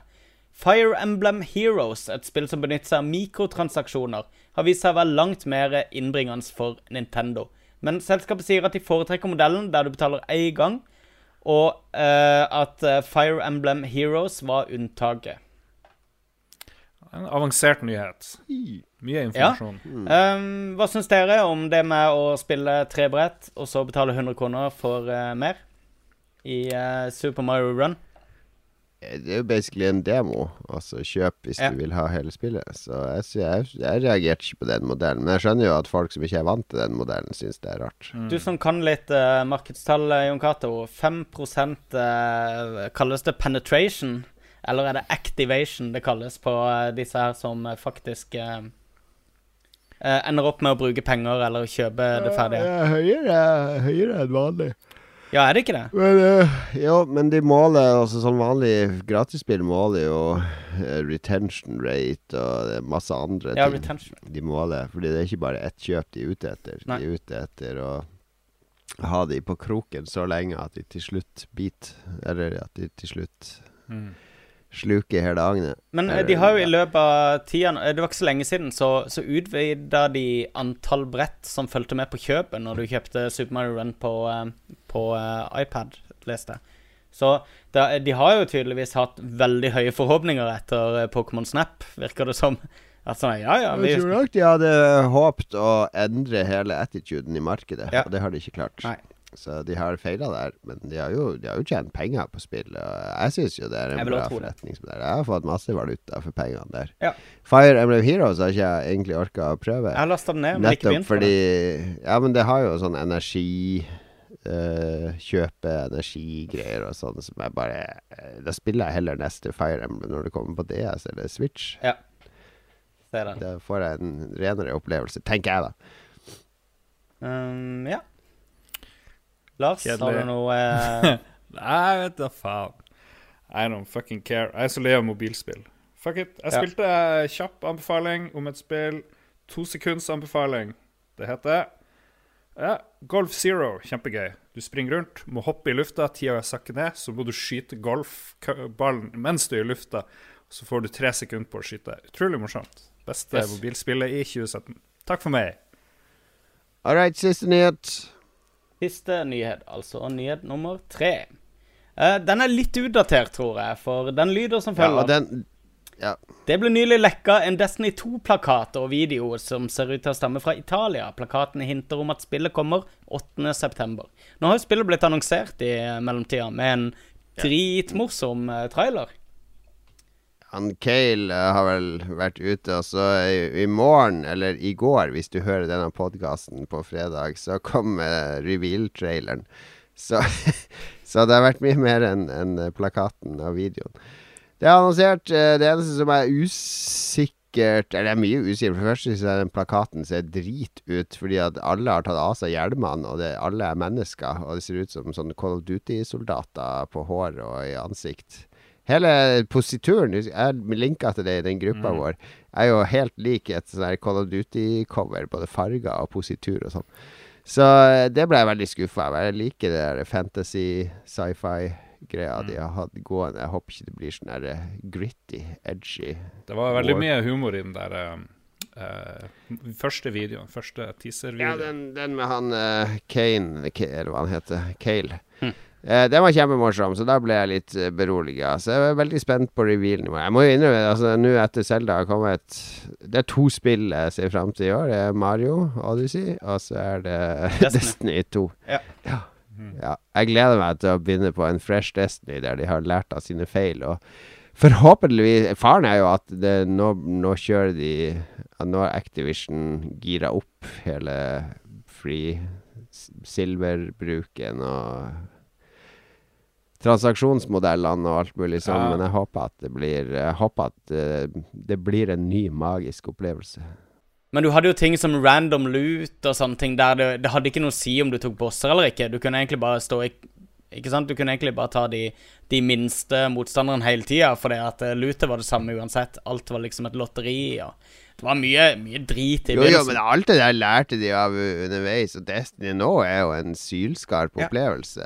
eh, Spesielt hvis du har venner å spille med. Så det er jo det jeg må tenke at de har som fundament videre. Pluss alt som de ikke har kunnet lage og holdt tilbake. Jeg krysser Så fingrene for en eh, cross-plattform PC-versjon. Som kan eh, spille co-op med Xbox og PlayStation. Det er drømmen. Ja, det spørs Ja, det er PC-versjonen som mange går og hopper på nå. Det er jo ikke offisielt bekrefta at de kommer, men det hintes om at uh, Mm. kanskje kommer. Nei, det blir eh, superkult. Da kommer jo alle Xbox Jeg skjønner ikke hvem som blir igjen på Xbox da, hvis det kommer på PC, PlayStation 4 og Xbox, med eksklusiv content til PlayStation. For det er eksklusivt uh... Ja, det sto visst noe om det på den der Italia-greia. OK. Spennende. Men ja, Destiny 2 blir Yes. bra. Garantert. Gleder meg. Stort, stort, stort. Musikk, musikk, musikk.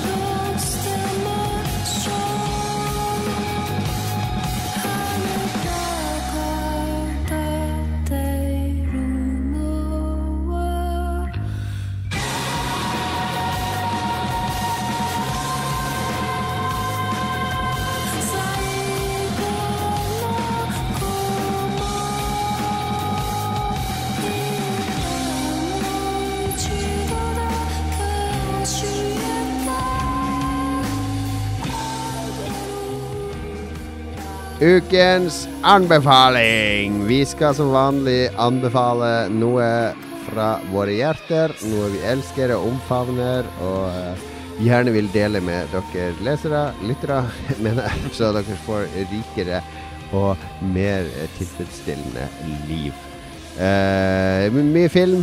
Denne denne anbefalingsspalten ser jeg. Lars, du kan jo begynne. Du har sett uh, litt eh, amerikansk eh, krim. Eller ikke krim, men eh, litt sånn reality-krim. Narkodrama. Jeg syns den ligner litt på den der eh, nye Miami Vice-filmen som de lagde. Um, Sicario har jeg sett. Regissert av Ja. den her The Arrival-duden. Dennis Villeneuve, hvordan man nå enn uttaler det. Med jo Emily Blunt, som jo er, er jo verdens største Emily Blunt-fan. Tydeligvis. Jeg vet ikke. Kanskje ikke. Jeg jeg bare begynte å like henne veldig mye i det siste.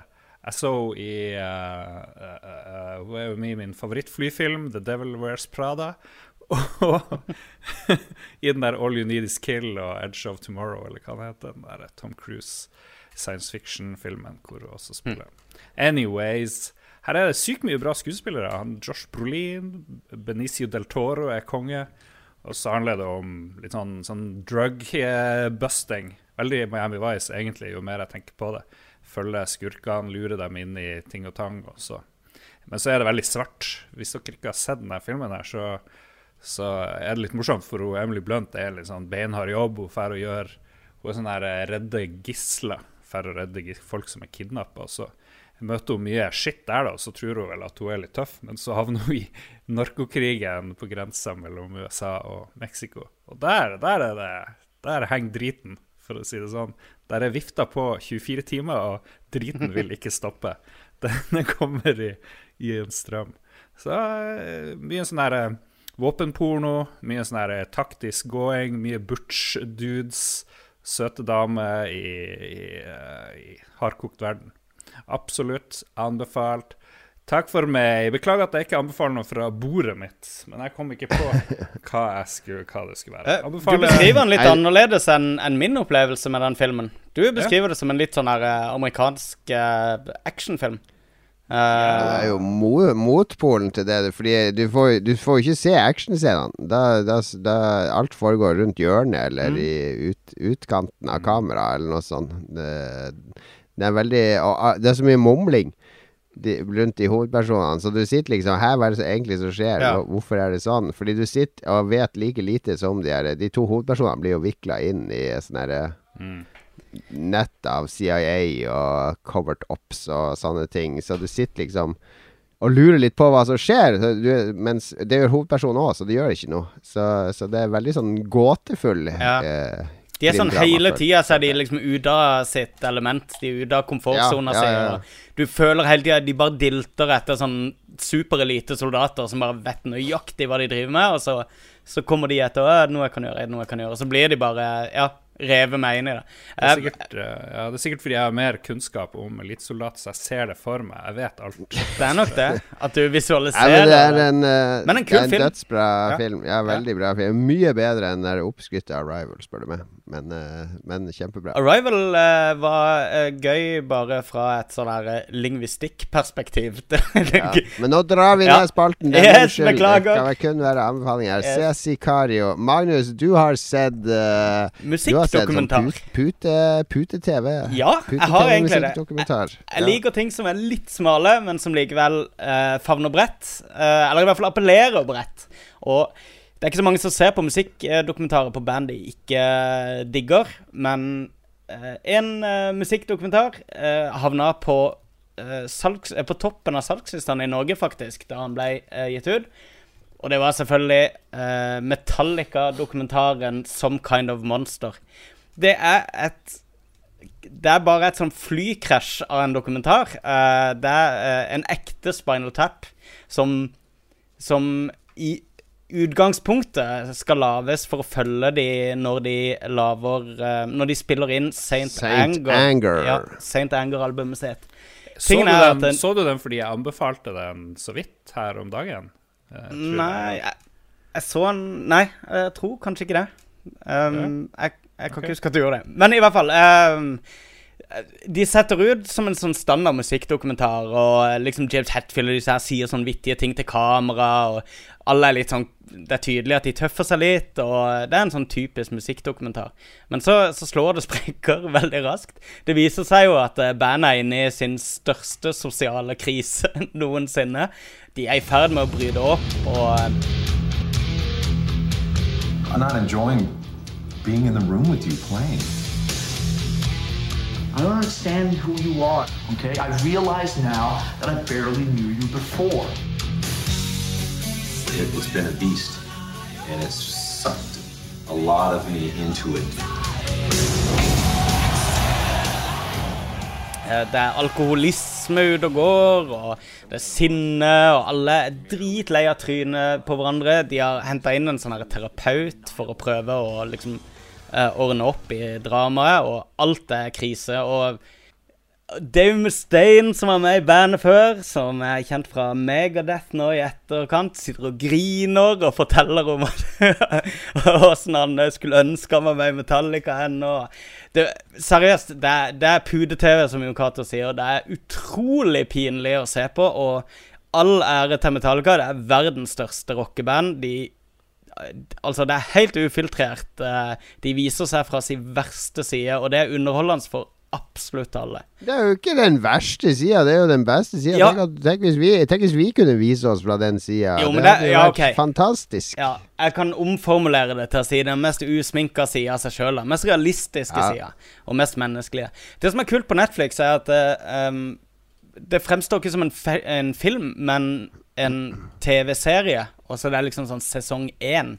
For det de har også lagt på Jeg husker ikke hva den heter. En liten sånn kort eh, halvtime lang eh, tilleggsdokumentar. Der eh, dokumentarteamet har kommet tilbake til bandet ti år seinere og snakker litt om ehm, eh, om dokumentaren og eh, eh, problemene underveis, og der de har fått det litt på avstand.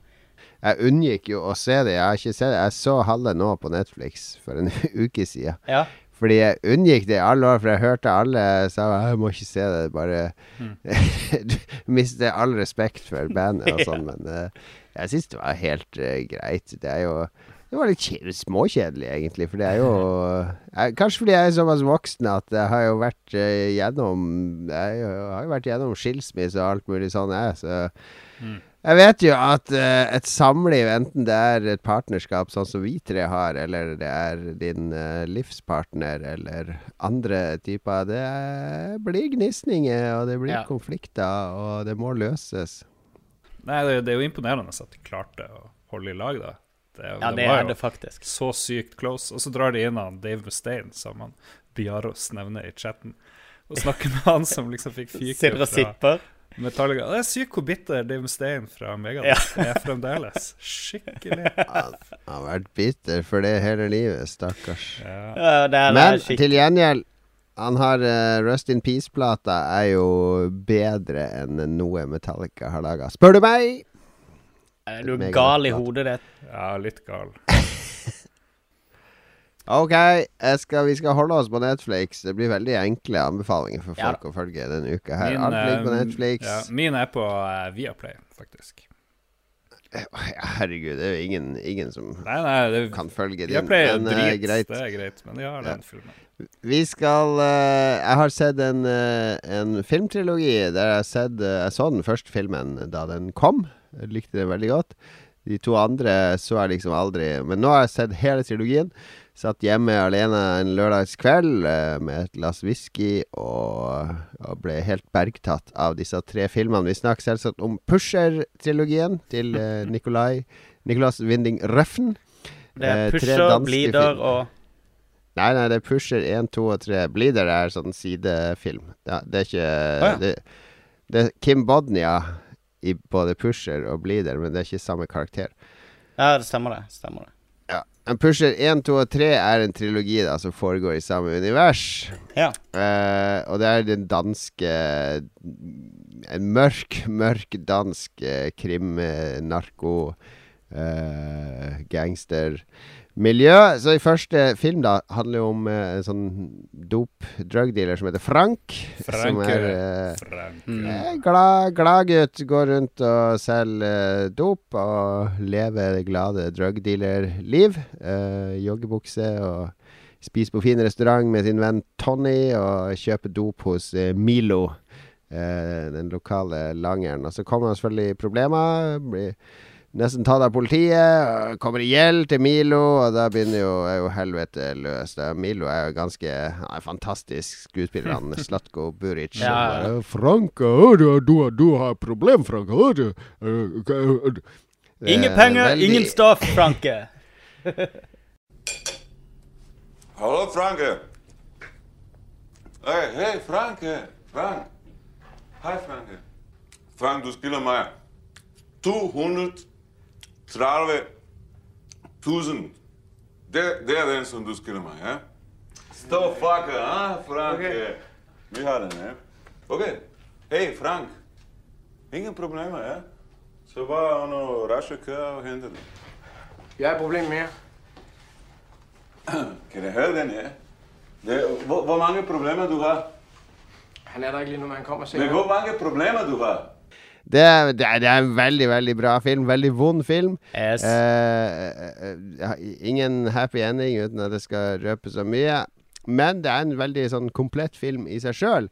Så derfor har jeg aldri gidda å sjekke ut de andre og tenke "Pff, det, det, Mm. det kan ikke bli noe særlig bedre. Ja. Men Pusher 2 handler jo om Franke sin venn eh, Tony. Franke eh, er ikke med i de andre filmene. da Eh, For i Pusher 2 så har Tony sittet inne i fengsel noen år og kommer ut. Og så prøver han å finne tilbake Eller han, han reiser jo rett på horehus, selvfølgelig, som alle ex-cons gjør i Danmark. Og så skal han hjem til faren, som er sånn der eh, kriminell eh, dritt, rett og slett. Han kalles for Smeden. Og er en av de mest motbydelige karakterer jeg har sett i noen film. okay. Han er sånn far som, eh, som bare Han anerkjenner ikke han er Tony i det hele tatt. Og Tony, alt han vil ha, er litt anerkjennelse fra faren sin. Og, og de der tingene han må høre fra han faren, og få fra han faren, det er helt jævlig. Det, spesielt som, som forelder sjøl, det gjør så vondt å se. Tony er jo spilt av Mats Mikkelsen, da. Eh, Kojima sin favorittmann i hele verden. Og ja, han gjør så bra prestasjon. Det er det, det, det vonde. Det er smerten inni han hele tida fordi han, faren ikke vil ha noe med han å gjøre.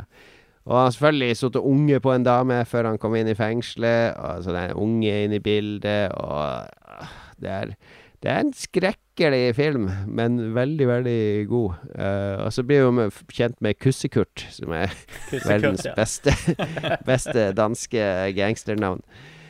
Så det er toeren. Det, det er kanskje den jeg liker best i trilogien. Treeren det handler om Milo. Da er vi tilbake til han drugdealeren fra første filmen, som nå har fått et lite dopproblem. Han tar litt for mye av sine egne varer, og samtidig skal han uh, lage mat til dattera eh, sin bursdag. og og så havner han i noe trøbbel, og han må samarbeide med noen gangstere. Det er masse sånn unge, sultne gangstere, Mohammed og andre, som driver og, og truer med å invadere hans turf hele tida. Så han begynner å føle seg gammel og sliten og gå på sånne her, eh, anonyme narkomanemøter og prøve å kicke sin habit. Så det er en veldig trist film om Det er liksom en trilogi. Det er om å være ung, om å bli voksen, og om å bli gammel, da.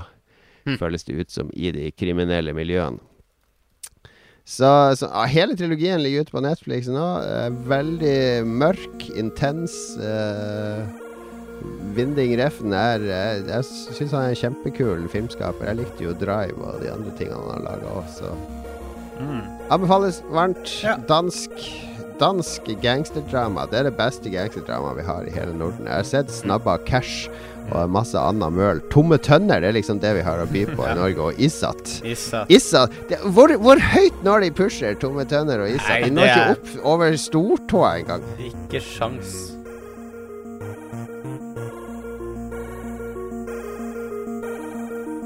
Bye.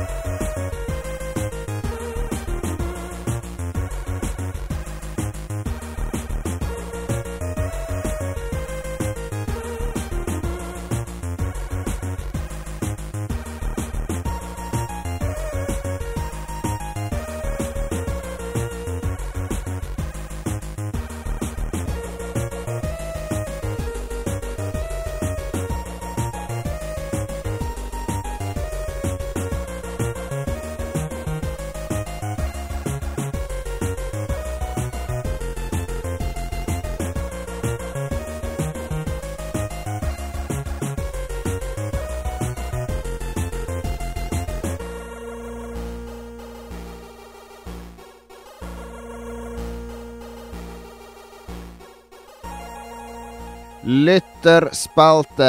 Vi tar noen, sa Lars før pausen, når jeg trygla på mine knær om å slippe. Det er ikke det at jeg ikke liker lytterne, det er bare det at, uh, at uh, sendinga blir så lang.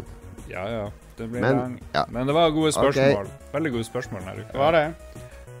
Erlend Selvik lurer på hva vi tenker om Timbleweed Park, som lanseres i morgen. Det skal kjøpes. Ja, det, jeg har kickstarta det. Ser veldig frem til det. Det ble nevnt sagt at eh, det var en slags open world point and click-ish eh, sak. Det høres litt nyttig ut, for det har jeg lurt på. Vil de eh, gjenoppfinne kruttet litt? Har de noe mer å komme med enn bare sånn her Maniac Mansion? eh, Nå, som vanlig så gjør dere ingenting for de 90% av lytterne som aldri har hørt om Nettopp. Timbleweed Park. Jeg, Bare, «Eh, jeg jeg driver jo og kommer med, med, med Timbleweed referanser? Det ligner på Maniac Mansion. Det er han som lagde det. Eh, Monkey Island. Hvis Ron ikke vet Gilbert. hva det er, hvis de ikke vet hva det er, så må de bare slutte. Nei da, dere må Det er en sånn 16-fargers RPG Eller nei, ikke RPG. Pek-og-klikk-eventyr med sånne bokstaver på skjermen òg. Sånn at du skal klikke på bokstavene Ja, ja, det- folk- og verbene. De er Det, det er den gamle sjefen til Tim Schafer som har gått enda lenger. Tim Schafer lagde Broken Age, og eh, Ron Gilbert lager uh, Thimbleweed Park, som er et, et nikk til Zack McCracken Vi og trenger ikke å gå så langt som at vi forklarer hva et menneske er. Altså, det, Du som Et menneske har gjerne fire Først kom det, det er et dinosaurene. retro Det er et retro pek-og-klikk-eventyr laga i ja, Nå har vi sagt det, Jon. Nå er vi ferdig med å oppsummere Ja. det. Men hva, hvorfor skal det bli bra? Hvor, hva, hva gjør det noe annet enn eh, nostalgien som det skal tilfredsstille, eller hva er det vi forventer? Fordi Gilbert har jo laga The Cave, og, Mm. Eh, som var mer sånn plattform-puzzle-spill. og så lagde han det der med han det der Rogue-spill, Diablo-type spill med han der som uh, går Hva er det helt for noe uh, eh, The Baconing heter et av de. Ja. Eh, så, Death som var Spank kule. Deathspank. Deathspank, som jeg syns var kule, kreative, innovative varianter Mm. på det han er kjent for, som Ja. er litt sånn humoristisk storytelling. Så jeg syns nesten det er litt sånn nederlag. Nå- skal jeg lage akkurat det jeg lagde for 30 år Ja, siden. men det er jo, jeg sier jo det er mer et slags open world PK-klikk enn noen som sier. Så det, det kan hende han kommer med noe nytt, prøver å tilføre sjangeren noe nytt. Så det, det er mitt håp, da, uten å ha spilt et sekund av det. Og så har han med seg et par av de her gamle eh, karene som han hadde med seg òg. Så jeg har hørt hele podkastserien deres, eh, som jeg anbefaler veldig hvis folk liker Ron Gilbert-ting og de her Maniac Mansion og Zack McCracken-spillene og sånt.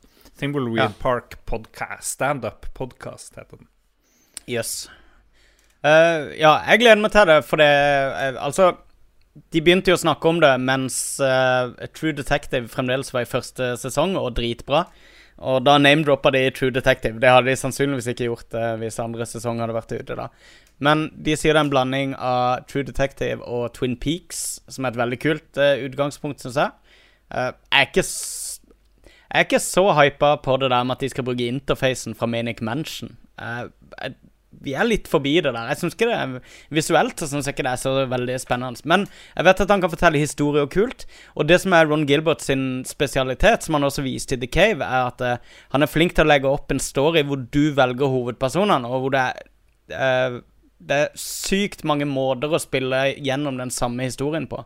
Manic Mansion var jo helt vilt. Du kunne spille gjennom Jeg husker ikke hvor mange kombinasjoner du kunne spille det på, men det var eh, veldig kult lagt opp der. Og det er det Ron Gilbert sin styrke er, at han klarer liksom å vri på All right, all right, all right. Mm. Så, så ja, jeg er ikke solgt, men eh, jeg gleder meg til å høre hva, hva dere sier. Apropos Twin Peaks, det kommer jo ny Twin Peaks om et par uh, Mm. måneder, og det kommer til å feile stort. Gjør det? Jeg tror det.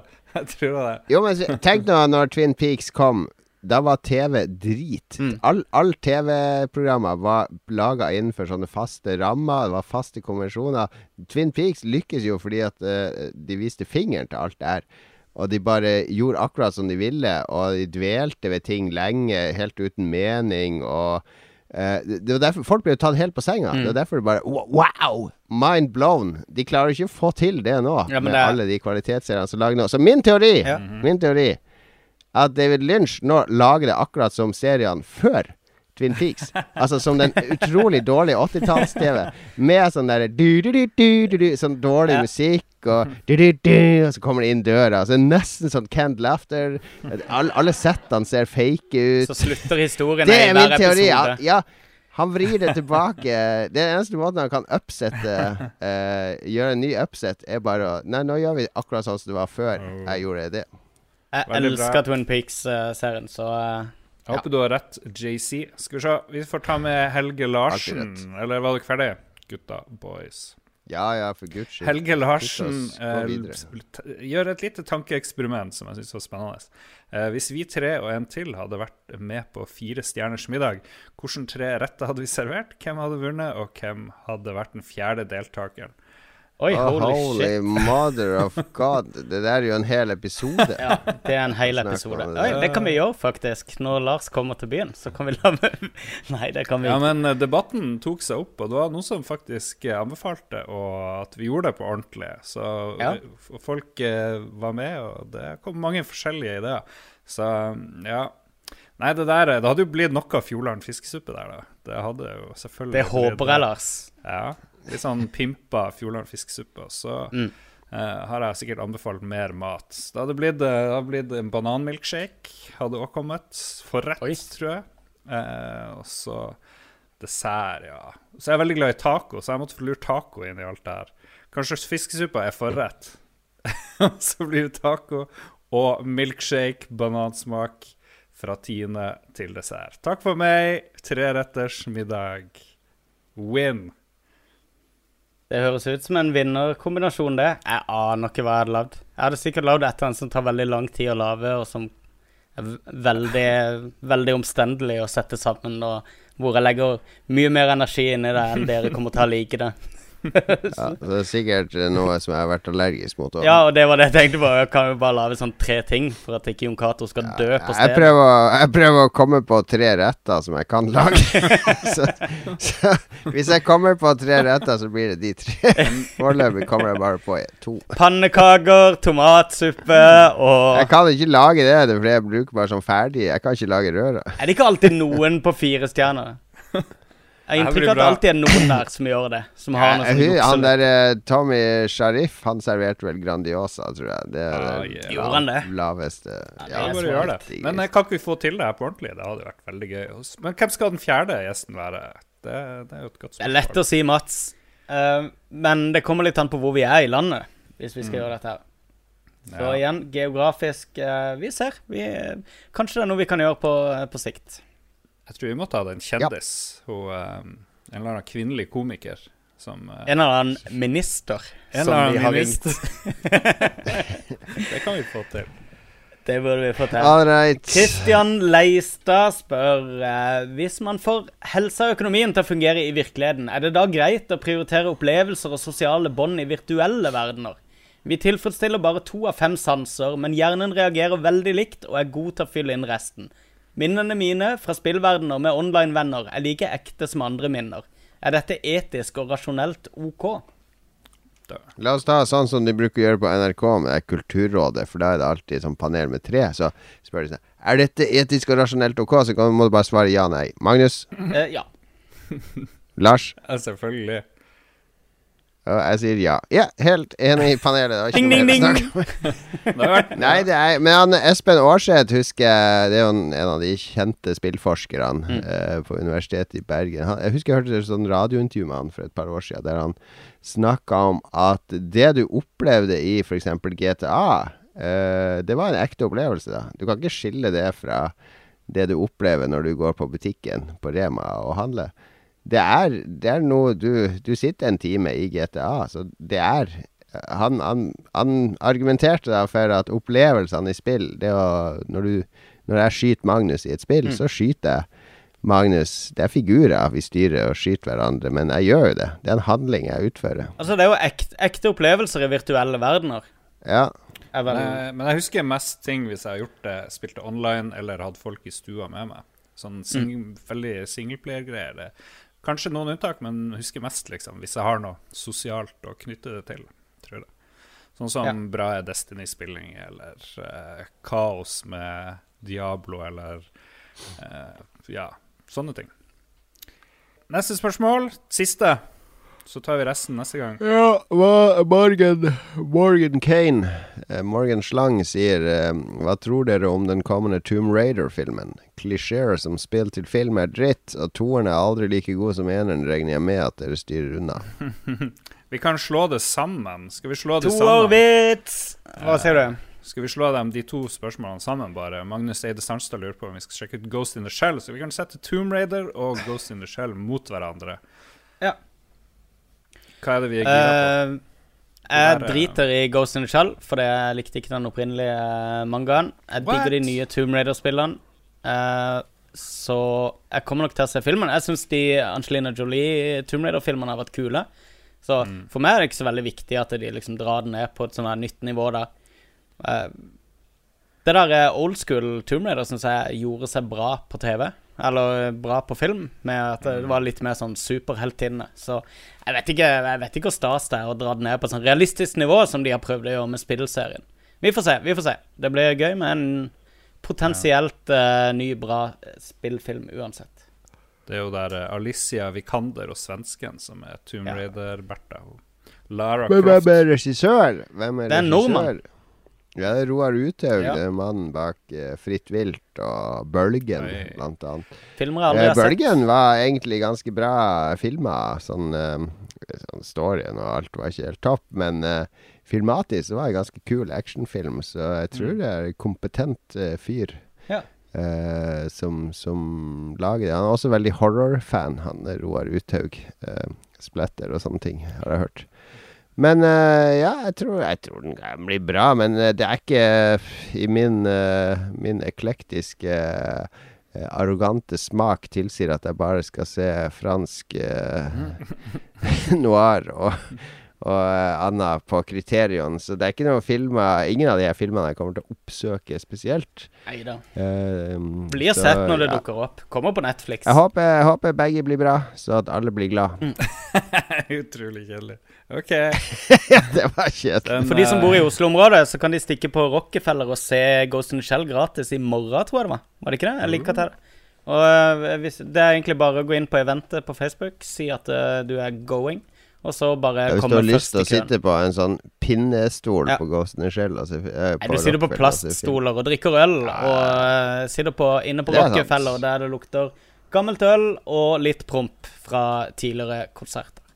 Men uh, de viser i hvert fall veldig mye filmer lenge før tida, og Ghost in Shell er ukas. Nice. All right. Sweet. Da er vi ferdig. Thank you, everyone. Thank you for alle som har sendt inn spørsmål. Takk til uh, entourage som dukka opp uh, på torsdag og hilsa på meg og Lars. Og, og brukte en formue på oss. Beklager det, vi skal spandere neste gang. Uh, takk til dere to, mine beste venner i Lolbua. Takk til deg som hører på akkurat nå. Lytterne Ja. er veldig viktige for oss. Vi er veldig glad for at så mange gidder å høre på oss, Fordi da kan vi ringe til PlayStation og sånn og si Du, det er sånn 100 000 som hører på, skal ikke sende oss noe spill? Og sånn. Så, så jeg er veldig glad for alle våre lyttere. Eh, følg oss på lolbua.no, Facebook Lolbua, Twitter Lolbua, på LO. Eh, det er der vi legger ut mest innlegg. Så hvis du ser ikke er på. LO, get, get on there, boy. Get on that. page. Og ikke minst den page. daglige streamen vår på Beam. Ja, Beamstream. Jeg har faktisk streama på Beam. Så, Har du det? så ja, jeg har en video Ja. liggende der, tror jeg. Altså, jeg har lagt opp den det her i systemet. Så bare alle ser bort fra det Jon Cato hinta til om at vi kun vil ha lyttere fordi vi skal få gratis ting fra PlayStation. Det var Helt veldig dårlig korrekt. Eh, gjort. Dårlig sagt. Trøtt, sliten. Jesus Christ. La oss bli ferdig. La oss bli ferdig. Det er Destiny-annonsering i morgen. Jeg må være uthvilt. Jeg skal fly Vi klokka halv syv i morgen. Jeg må ta Ja, drosje på fem. Så bare slutt å sutre. Jeg må opp klokka fire. Fuck, fuck oh, jeg må opp ti i morgen. Bare la være, ja, la være å legge seg. OK. God natt. God natt, folkens. Ha det bra. Ha det bra. All right. Da hiver vi oss av eh, online-helvete for i dag. Og